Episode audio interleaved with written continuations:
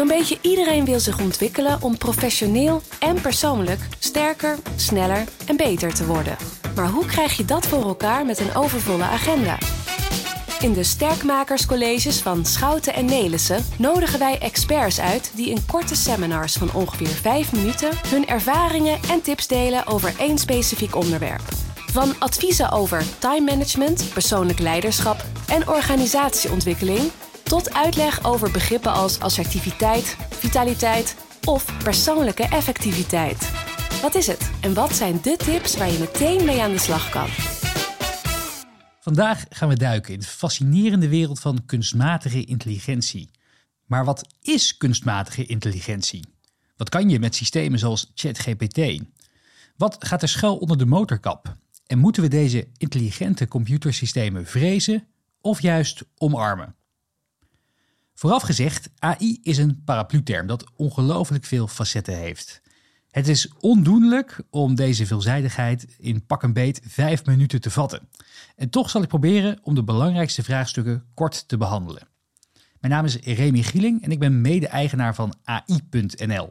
En vanuit AI.nl helpen wij organisaties, teams en professionals beter, slimmer en efficiënter te werken met de mogelijkheden van data en AI.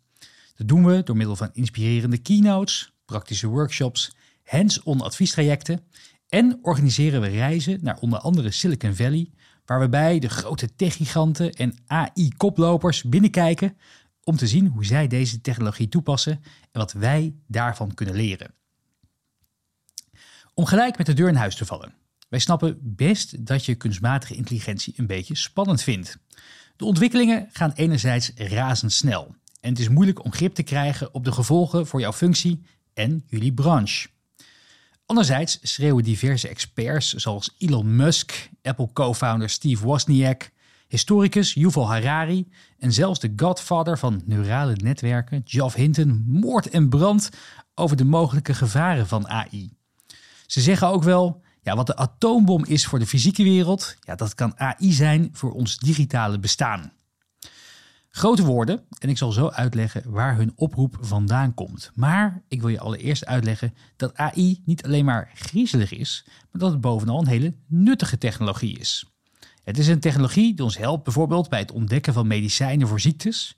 Waar een vaccin vroeger acht jaar duurde om te ontwikkelen, kunnen wetenschappers die AI toepassen dit tot weken of zelfs enkele uren verkorten. AI kan helpen bij het oplossen van de grote problemen die we hebben, van het klimaat tot de energieproblematiek, en kan, mits het juist wordt toegepast, ongelijkheid verkleinen. Maar bovenal gaat AI ons op zakelijk vlak verlossen van saaie, repetitieve taken. Intelligente computersystemen zijn immers meer en meer in staat om complexe taken van ons uit handen te nemen.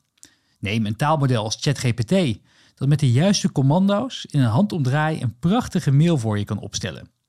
Tools die complexe Excel-formules voor je schrijven en zelfs hele computerprogramma's kunnen schrijven. Sommige mensen vrezen door de komst van deze systemen voor hun baan. Maar ik wijs je erop dat deze systemen, hoe slim ze ook zijn, vaak maar een stukje van de puzzel oplossen.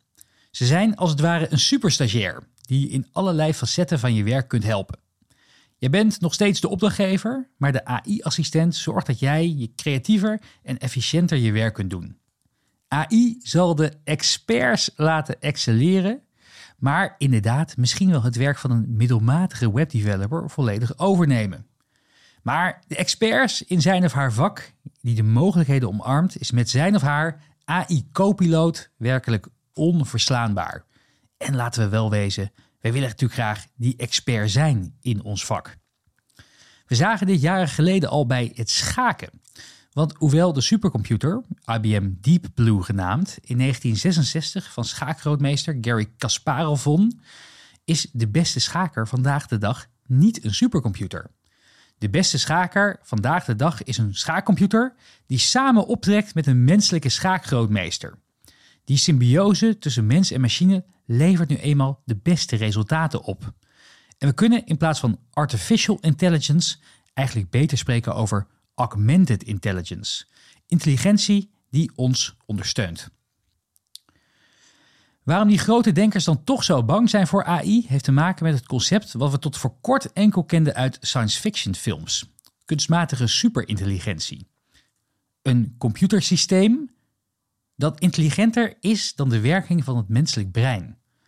Zou zo'n systeem er ooit komen en zou het met de dag slimmer worden, dan zijn de gevolgen wellicht niet te overzien, zeggen ze.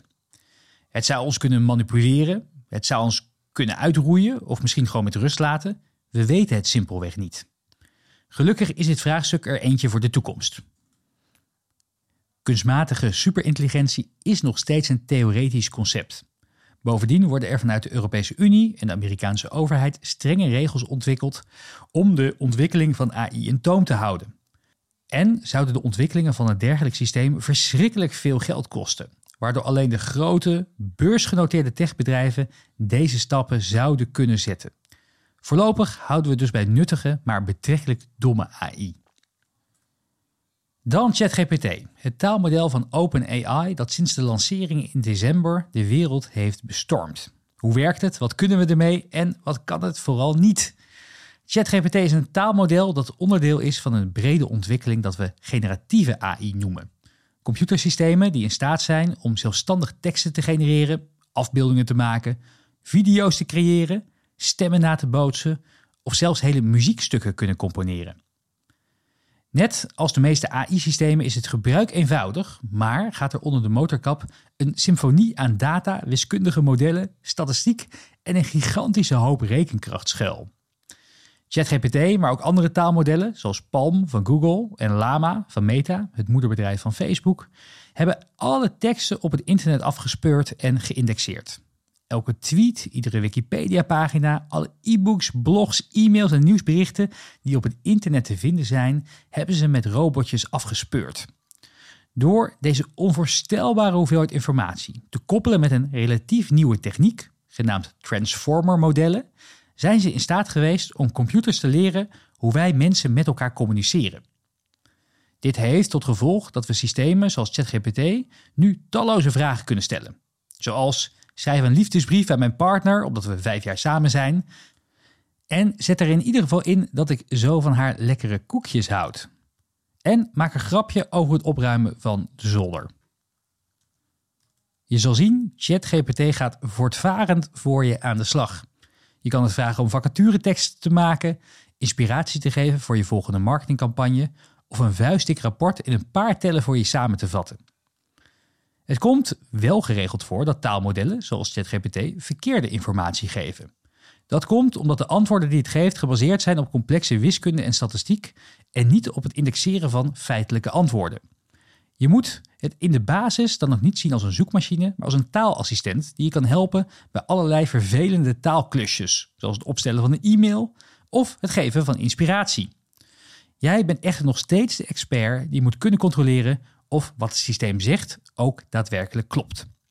En laten we eerlijk zijn, gelukkig ook maar. Hè? De mens is nog steeds onvervangbaar. En daarnaast, ja, 20 tot 40 procent tijdwinst is al iets waar we best tevreden mee mogen zijn. AI is een ongelooflijk veelzijdige technologie die ieder bedrijf en elke functie gaat veranderen. Je kunt kosten besparen door efficiënter te werken. Je kunt betere producten maken eh, die zich onderscheiden van de concurrentie en zo meer omzet opleveren. Of je kunt inzichten behalen uit data wat zorgt voor betere beslissingen in de toekomst.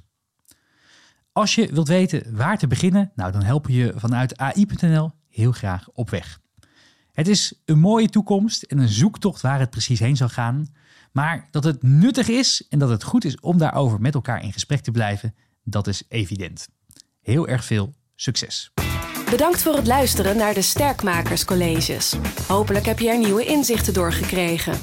Maar echt sterker word je door wat met deze inzichten te doen. Dus waar wacht je op? Ga aan de slag. Kijk voor meer informatie op sn.nl/slash sterkmakers-podcast. En vergeet ons niet te volgen op Instagram en LinkedIn. @sterkmakers_podcast.